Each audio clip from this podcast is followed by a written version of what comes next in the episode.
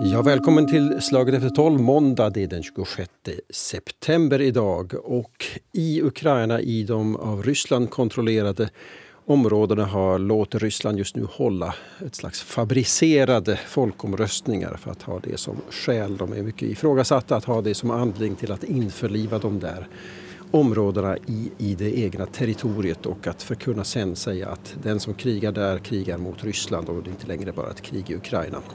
Det här ska vi prata om samtidigt som Ukraina har mobiliserat unga män flyr och vi har rapporter om protester i, runt om i Ryssland. Tillsammans med vår utsände Antti Koronen som är på plats i Donbass. Hej Antti! Hej! Välkommen till Slaget efter tolv. Vi har med oss vår journalisten eh, Anna Lillkung som finns på Svenska Yle och är ansvarig för Rysslandsbevakningen här. Välkommen Anna! Tack! Och sist men inte minst ska vi få en analys här av vår utrikeschef Susanna Sjöstedt. Välkommen till Slaget efter tolv. Tack. Får jag börja med dig, Antti Koronen här. Du befinner dig, förstod jag det rätt, i Krematorsk i Ukraina. Vad, hur är läget där just nu?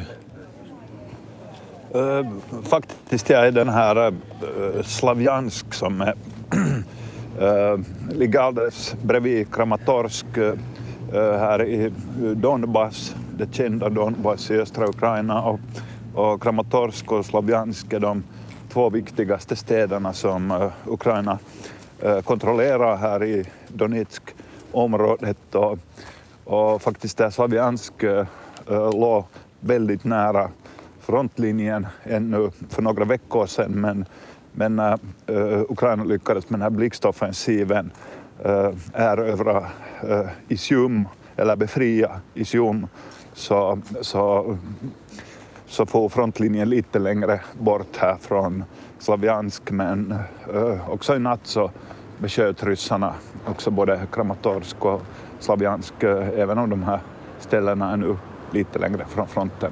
Mm. Vad har du sett av de här eh, så kallade folkomröstningarna som ska hållas?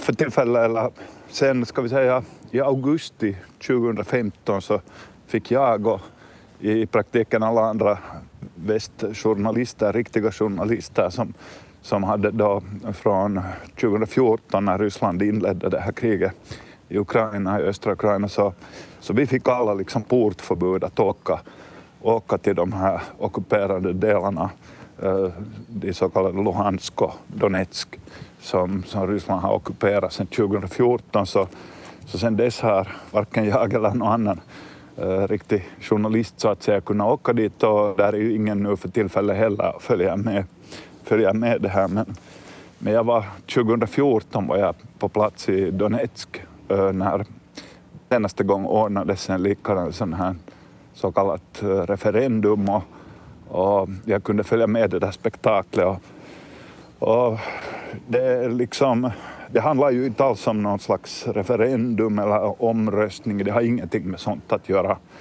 Det är liksom ett skådespel, det är ett sån här propagandashow som Ryssland arrangerar i främsta hand för sin egen hemmapublik men också lite för det här internationella samfundet. Och, uh, det är liksom en sån här propagandashow för att göra det mer legitimt för det ryska folket att, att, uh, att de är här.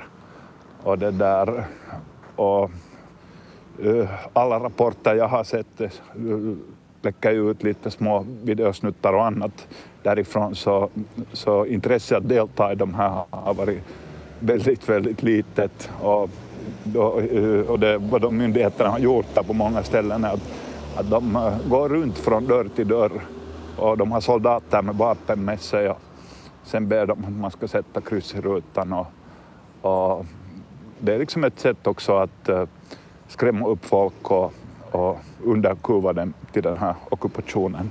Mm dramatiska tider där. Eh, Anna Lillkung i, som följer med utvecklingen i Ryssland, det här, har, har det här något av det här nått, något av det här nått ut i Ryssland till, till de här eh, tveksamheterna kring här? Eller tror man i Ryssland helt fullt på att det här är nu riktigt frivilliga av folket?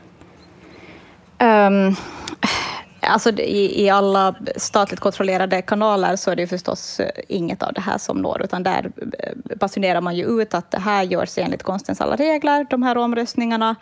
Eh, det är liksom mycket eh, propaganda runt liksom hur säkrar vi det här valresultatet och man vill ju verkligen då ge bilden av att, att det är korrekt. Sen skulle jag väl säga att det som jag har förstått av de jag har pratat med i Ryssland så är det kanske inte de här folkomröstningarna överlag inte i fokus där, utan där är ju mycket fokus just nu på den här mobiliseringen och den oro som det skapar. Ehm, så att eh, det är inte så många av dem jag har pratat med som överhuvudtaget har liksom nu pratat om de här så kallade folkomröstningarna som, som sker i Ukraina, i de här mm. ryskkontrollerade regionerna. Mm.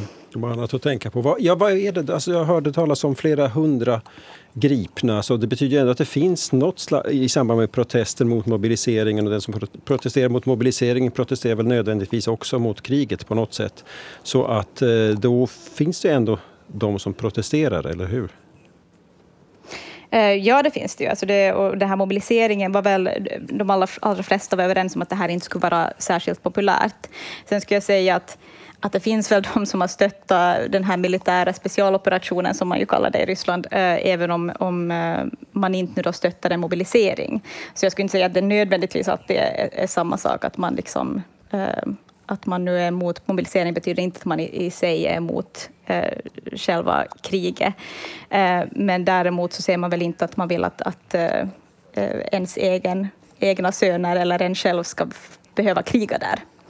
Det låter ju mycket mänskligt så. Det här, vi, vad heter det, vi följer ju väldigt noga med och tänkt de här rapporterna om att att eh, ryssar, framförallt då unga män i vapenför ålder, försöker lämna landet. Det här, talas det, har det figurerat inom bevakning? Talas det om det? Um, nu har jag inte sett de här allra senaste, alltså under gårkvällen och dagen, jag, men, men nej, inte, inte gör det det. Inte. Och det är ju liksom de, vad ska man säga, de här siffrorna som, som visar mängden, till exempel att Novaja Gazeta Europa rapporterat att uh, det verkar att det skulle kunna handla om 260 000 ryska män som har lämnat landet. Det är ju ingenting som förekommer förstås, utan Novaja Gazeta är ju då en, en oberoende, eh, mm. ett oberoende nyhetsmedium. Mm det är ju ändå det är ju en och annan, 260 000. Det är, det är ju ganska mycket. Vad ska jag säga? Jag ställer också en fråga till eh, Susanna Sjöstedt, utrikeschef här på Svenska UL. Där alltså, man talade om att mobilisera ett, ett, land med 100, vad är det nu, 150 eller vad det är nu, miljoner invånare. 146 miljoner mm. tror jag att var den senaste Något siffran jag sånt Där, ja. Där. Mm. Att liksom nu, och så skulle man mobilisera 300 000, om nu nästan lika många unga män företrädesvis försöker eller har lämnat landet. Vad, är, vad, betyder det här för imagen för Ryssland? Uh, no, naturligtvis är det ju inte bra. Sen, sen, vet vi ju inte riktigt hur vi ska förhålla oss till de här siffrorna. Att det, här, det här med att de skulle mobilisera 300 000 var ju en siffra som kom då för, förra, mm. förra veckan när Putin höll sitt tal och försvarsministern hade sen då nämnt det här. Det finns något ytterligare eventuellt sådana hemliga tillägg till olika protokoll där det talas om 1,2 miljoner som mm. ska mobiliseras. Och, och, det har varit stor förvirring att, att vem gäller den här mobiliseringen till exempel. Ja. I vilken ålder ska de här männen då vara? Och, och på vilket sätt berör det kanske kvinnor? Att, att uh, också till exempel läkare och vårdpersonal kan ju uh, betraktas vara i reserven. Så, att säga. Mm. Så, så, så, det är nog stor förvirring. Uh, bilden av Ryssland i väst blir ju inte bättre nu av det här. inte. Mm. bilden inom landet är säkert väldigt orolig och väldigt liksom splittrad. Uh, Ryssland har ju en tradition av att, av att befolkningen där tror ju inte nödvändigtvis på vad de makthavande säger. Det är klart att man, liksom, man kan så att säga tro på många saker samtidigt. Och man, man kan se på TV och man kan lyssna på nyheter och sen vet man ändå liksom vad man mm. vet där vid köksbordet. Så att um, Eh, och, och det har också varit ett problem, kommer jag ihåg när jag någon gång har talat med några sociologer i, i Ryssland för ett tag sedan visserligen, men i alla fall att, att, det där, att, att ett problem för de ryska makthavarna likaledes som för någon annan, liksom vem som helst, att man, man vet inte riktigt vad folket tycker. Och, och, det som vi ju såg nu då efter det här putinska talet och efter det här liksom, den här partiella mobiliseringen som satte igång var ju det att, att människor började dra sina egna slutsatser i Moskva, i Sankt Petersburg och runt om liksom i regionerna folk sticker. Vi har liksom kilometerlånga köer nu vid, vid den finska gränsen till exempel. Människor är på väg via Georgien. eh, ryssar flyger ut via Armenien, mm. som är då ett sånt ställe dit de inte behöver liksom, internationella pass. För att i Ryssland har man ett system med två pass. Du har ett liksom, grajdanski passport, alltså ett sånt här då, eh, medborgarpass. Men sen ska du också ha ett, ett uh, internationellt pass för att komma till till exempel ett Schengenland. Och sånt. Något I Armenien behövs inte här. Så, att det där, så många far då dit. Mm. Och, och till Turkiet har man tagit sig att man inte behöver de här visumen. Så att det där, um, så det är ganska viktigt, skulle jag vilja säga, att man tittar på vad som händer och, och, och försöker få reda på vad som händer. Mm. Och i ett sånt här läge så, så, är det inte det allra lättaste för att den där propagandan från, från, från ryska statsmedier och från en massa andra intressenter är ju enorm. Mm. Antti Kuronen, hur, följer, hur, hur, hur landar det här i Ukraina? Den här, det vad ryssarna nu sysslar på och hur märks det, märker man den här bristen. Och, alltså det har uppenbarligen gått väldigt dåligt för Ryssland nu här sista, sista veckorna. Eh, hur, hur reagerar folk där? på att Ryssland mobiliserar och annat? Eh, I Ukraina så påverkar det här egentligen inte överhuvudtaget uh, uh, någonting.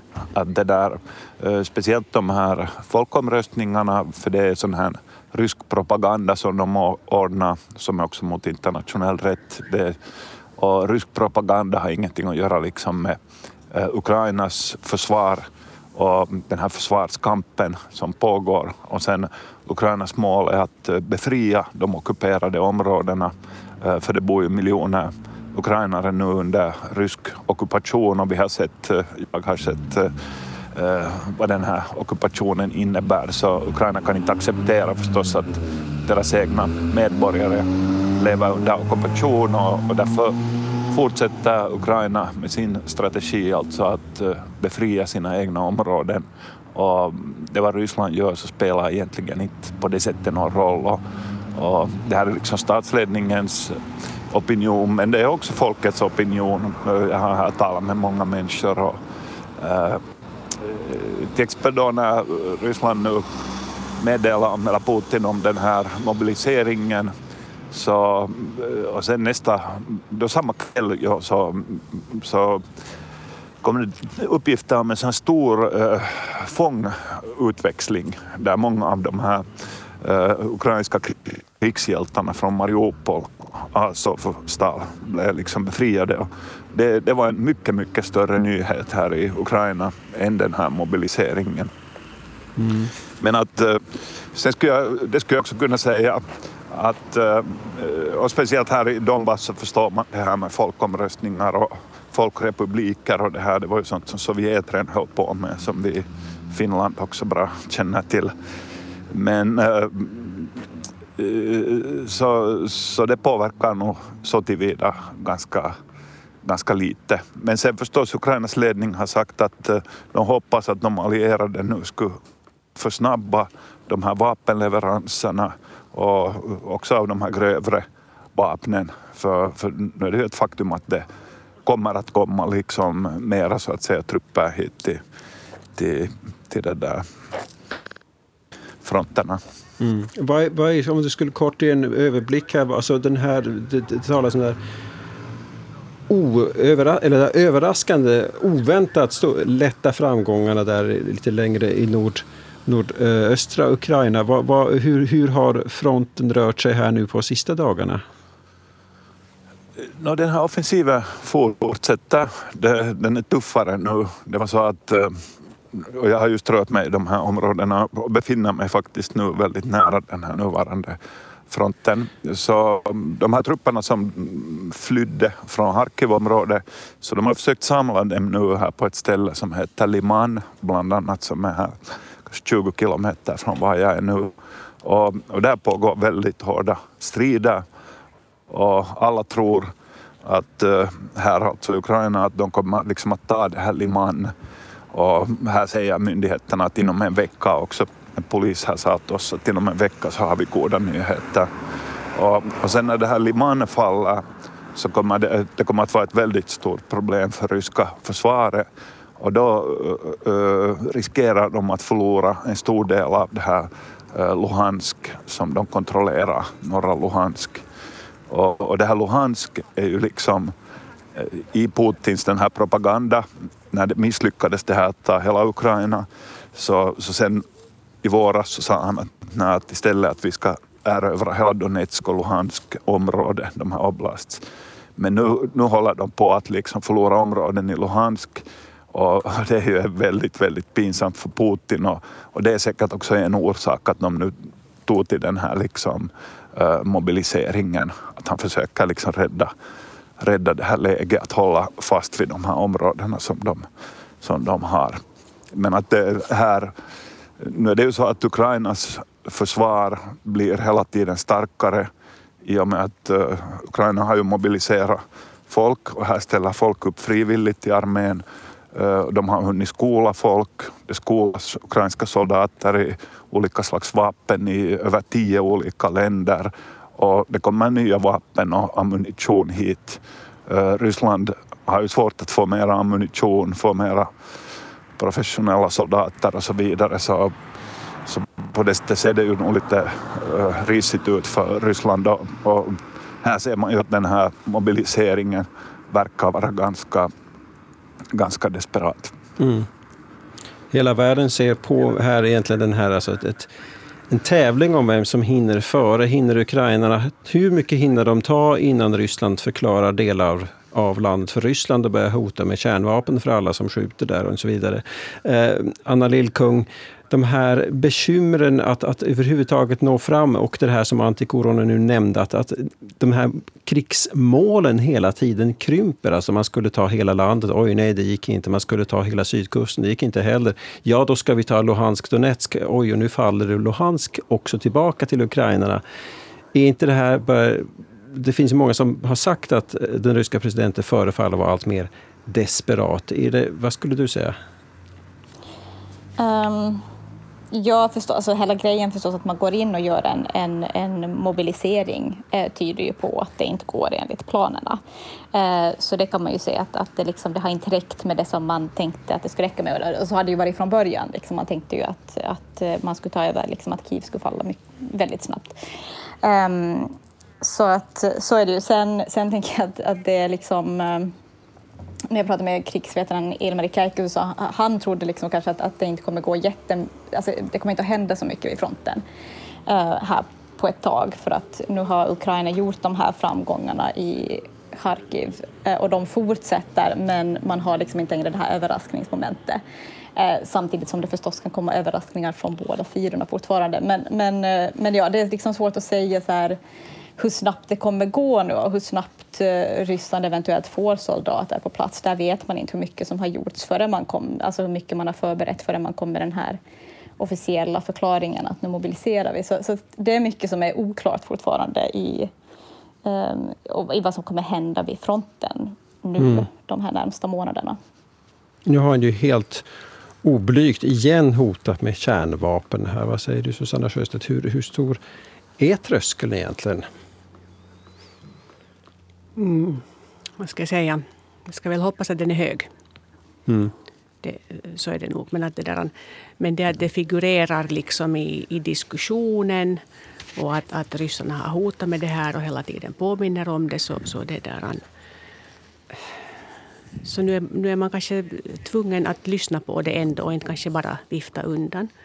Det, äh, sen ska jag kanske också säga det här att äh, tyvärr är det ju så att tiden liksom är på Rysslands sida. Att de har, de har hur mycket tid som helst och de har hur mycket folk som helst. De kanske inte har så jättemotiverade människor. Men, men det finns ju alltså miljoner att ta till. Och, och, och, det där. och nu, nu kan man gå in och vara väldigt liksom repressiv mot sin befolkning. Och det, har, det, det ser vi till exempel i Belarus. Eh, det har vi sett i den ryska historien och presidenten kommer från liksom KGB. Så att det där, uh, jag ser inte nu egentligen så här ur ryskt perspektiv så hemskt mycket annat än, än ett elände som man fortsätter med tills då någon mm. slags slutpunkt skönjes. Men, men, men den är nog inte den att man liksom backar och säger förlåt, förlåt och ni hade fel. Ni, ni, hade, ni hade rätt, vi hade fel. Så att det där, um, jag tror att det här blir en mycket utdragen och mycket blodig historia. Även om, även om Ukraina nu har liksom någon slags momentum. Ukraina har naturligtvis gör... momentum. Ukraina, Ukraina får hjälp. Ukraina är motiverat. Ukraina har också miljoner. Mm. Men, det där, men, men det är nog av avgörande betydelse skulle jag säga att, att, att Ukraina klarar det här. För att det där, mm.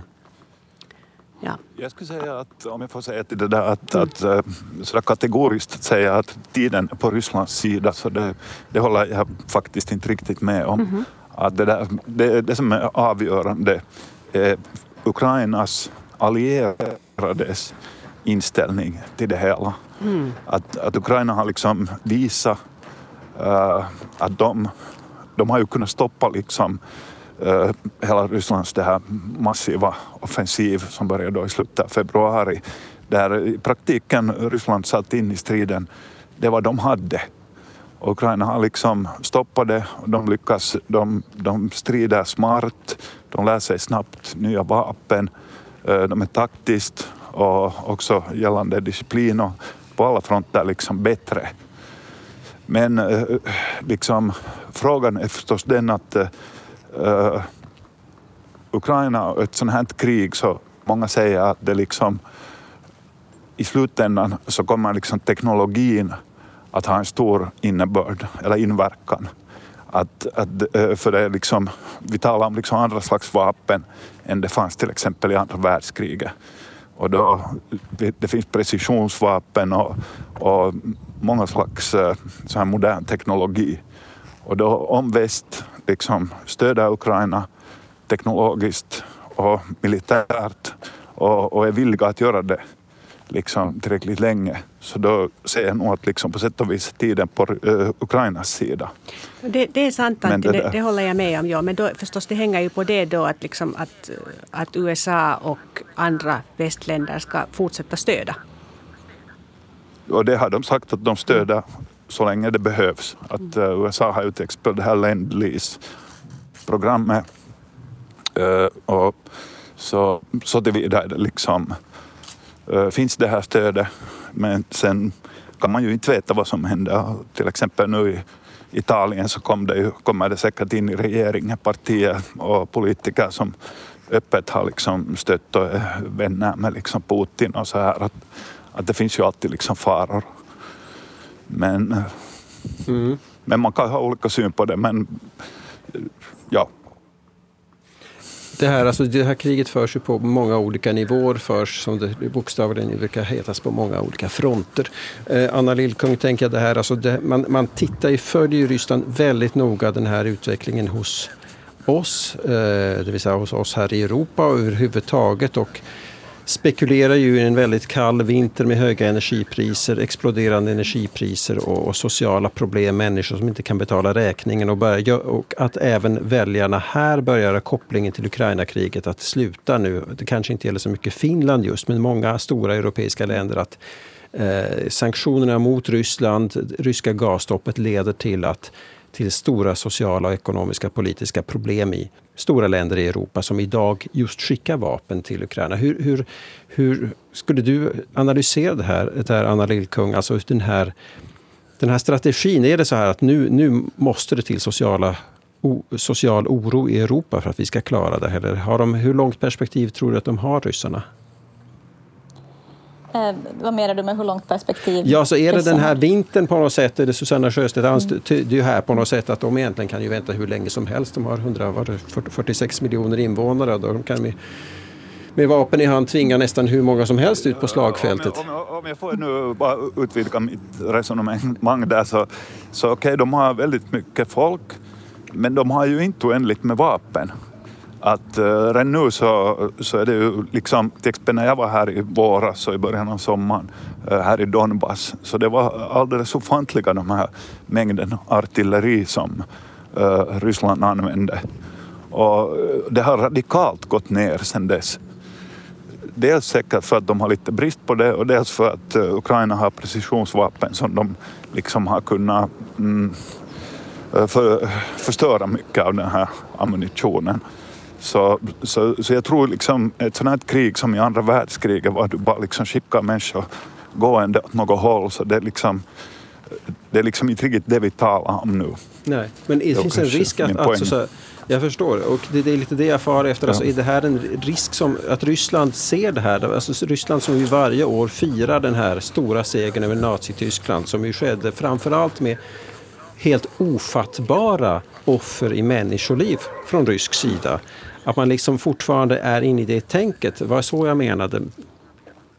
Ja, jag förstår. Ja, Men vad du säger helt kort nu som Ukraina så, så det vill jag nu säga att här faktiskt så eh, alltså ledningen och så landets ledning så de har ju vädjat till de här ryska nu eh, som värvas och som kommer utan utbildning och förberedelser till fronten att, att ge upp liksom.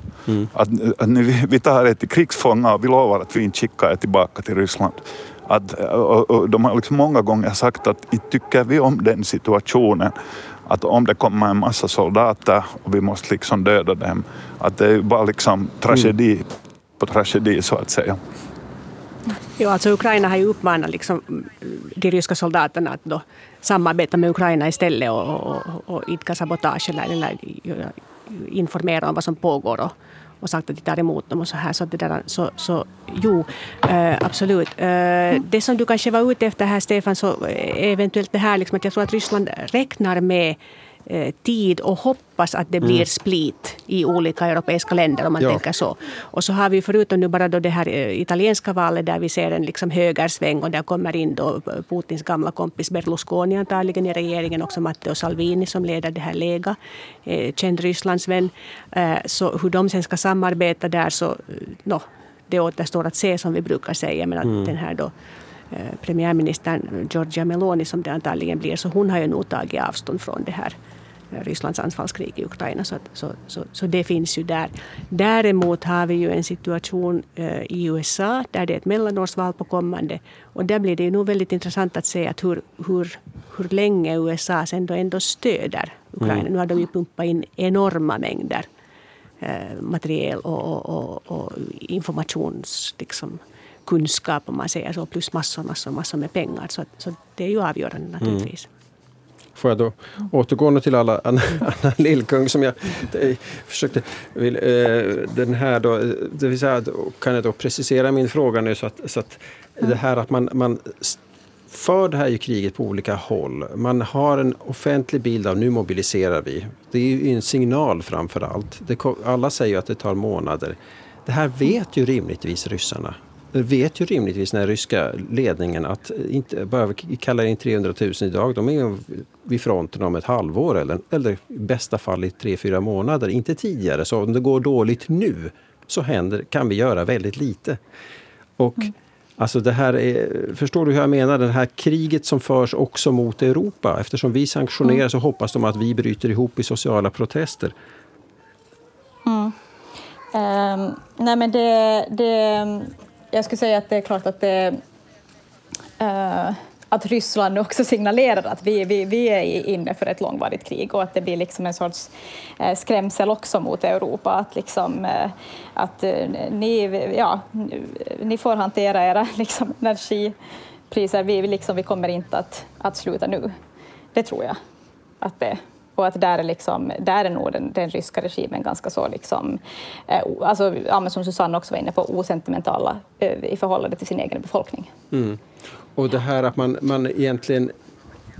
De här åtgärderna som många har sagt, håller du med om det? Att de känns desperata?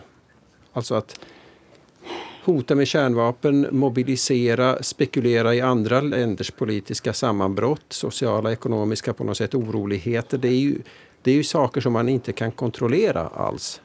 Möjligtvis i Kreml tror man det, men, men jag menar, men för ett halvvägs nyktert betraktelsesätt så är det där saker som inte riktigt ligger i ens egen hand. Så det här är ju väldigt riskabelt för Ryssland, känns det som. Eller? Ja, på ett sätt liksom i att man nu tar till de här grejerna och sen, nu säger Putin jag bluffar inte och, och då är frågan liksom om, om, om det vill säga vad är en bluff, vad händer, vad händer då? Det är ju klart att det liksom är, då har man tagit till, till liksom eh, till, till, det, till det mest effektiva hotet man har och det är väl också därför man måste någonstans ta det på allvar, det här med kärnvapen till exempel. För att för att nu har man trappat upp det här så mycket att vi är i ett läge där vi inte riktigt kan vara säkra på att vad, vad, vad blir då nästa steg och hur mycket prestige är, liksom, är investerat i det här. Mm. Och om jag förstår det här rätt, antikorrarna, så har ju egentligen eh, ukrainarna låter sig inte skrämmas, eller hur? Det stämmer. Det stämmer att eh, Ukrainas ledning och de har sagt att, eh, att vi har drivit den här kampen i 300 år, kan man säga, eller då nu i åtta år mer konkret kanske, den här situationen och framförallt i år. Så att, att, eh, att vi är villiga att liksom stå ut med vad som helst eh, för att nå vårt mål, vilket då är att befria de här ockuperade områdena och på det sättet få ett liksom definitivt slut på det här kriget. Och det där, så, eh, och det är förstås liksom, jag menar det här kärnvapenhotet är säkert, det måste man ta på väldigt stort allvar och det har USA också sagt att de tar det på väldigt stort allvar och har också börjat Eh, berätta liksom vad de tänker göra ifall det det så att säga sker. Men, men sen är ju andra sidan av pengen förstås att, att okej, okay, att om man då skulle ta det, liksom säga då att okej, okay, nu är vi rädda, nu ger vi upp. Vad, vad liksom innebär det? Och det, det är ju det att okej, okay, då får Ryssland ockupera nu stora delar av Ukraina. De vinner kriget på sätt och vis. Han, Putin är en hjälte, de börjar rusta upp och om några år så utvidgar de det här anfallet. Mm. Och, eller anfaller något annat land i Europa eller hittar på något annat. Att det, liksom, det blir inte liksom ett slut på det. Och då kan de, framförallt förstås de man nu liksom, uh, vad de här ledarna säger inte jag, så böjer sig för det här kärnvapenhotet så då, då har han ju liksom, kan han spela det i all oändlighet för att uppnå liksom mm. vad som helst. Så det här är liksom Ukrainas poäng, att man kan inte liksom, och också de allierades ganska långt äh, poäng. Och ännu om det här med den här tidsfrågan, äh, Så jag tror att den är liksom väldigt nog viktig och avgörande just att, att, att hur länge de olika aktörerna liksom orkar vara med i det här. Men nu har ju USA sagt att eh, tillsammans med allierade att just de här äh, propagandashowerna som Ryssland kallar folkomröstningar så eh, att efter det så ska det komma nya sanktioner att om liksom Ryssland då går igenom med det här och, och gör den här showen att de liksom på något sätt inkorporerar de här områdena i Ryssland. Så, så den, den biten tror jag är också viktig liksom i den här uh, försvaret av Ukraina, liksom de här sanktionerna och på sätt och vis speciellt att förhindra uh, Rysslands eh, krigsindustri att, att liksom kunna, kunna liksom tillverka tillverka vapen. Och, äh, ännu skulle jag kanske vilja säga att, att här i Ukraina har man ju också äh, tydligt det, Man är förstås glad att människor nu liksom demonstrerar mot den här, äh, mot det här uppbådet i Ryssland, men man är samtidigt så, det har liksom inte förbättrat bilden av Ryssland här för att eh, under det här halvåret så har det ju varit knappt några protester mot det här själva kriget och det vad Ryssland gör här mot Ukraina, i Ukraina, eh, vilket är ju då väldigt seriösa brott mot mänskligheten och krigsbrott. Och det har liksom ryssarna inte protesterat mot. Men nu sen när liksom de själva liksom håller på att bli en del av det här så då, då börjar de protestera. Men... Mm. Mm, så de räddar sitt eget skinn.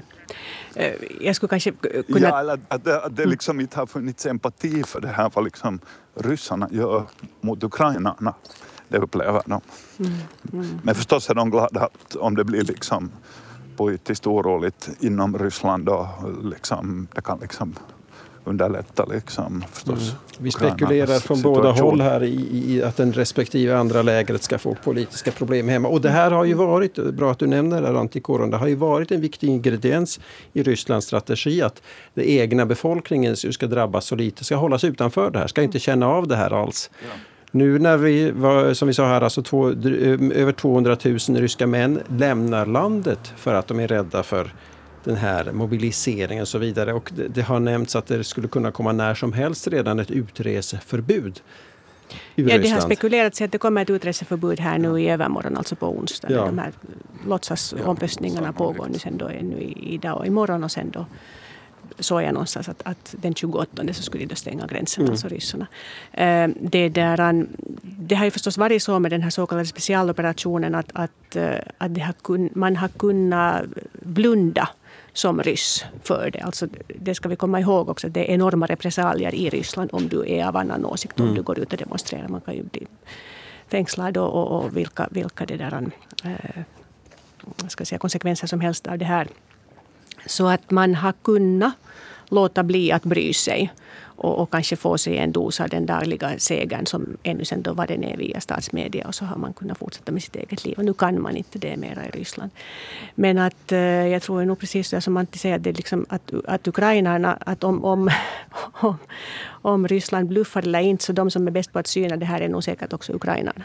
Och Ukraina har ju, delar jättelångt samma historia. De var också med om det stora fosterländska kriget och har helt samma mm. story så att säga i grunden.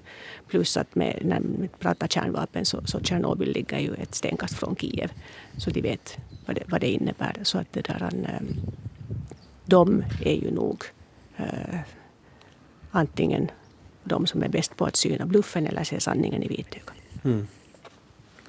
Ja, en, en, en sak skulle jag säga vidare. Jag läste en sån här expert faktiskt, rysk men som bo utomlands. Men i alla fall om det här kärnvapenhotet och det här när Putin mer och mer hotar med att använda kärnvapen så det kan ju också bli ett problem i Ryssland.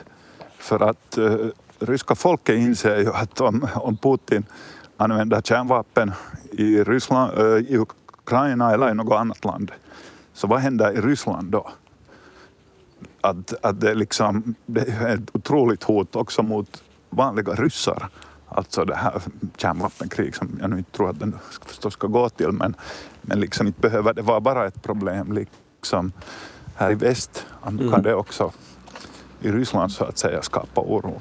Anna Lillkung, har, har det här nått ut till allmänheten i Ryssland att, att den ryska regeringen hotar med kärnvapen i Ukraina? Eller är det ryssarna medvetna om det?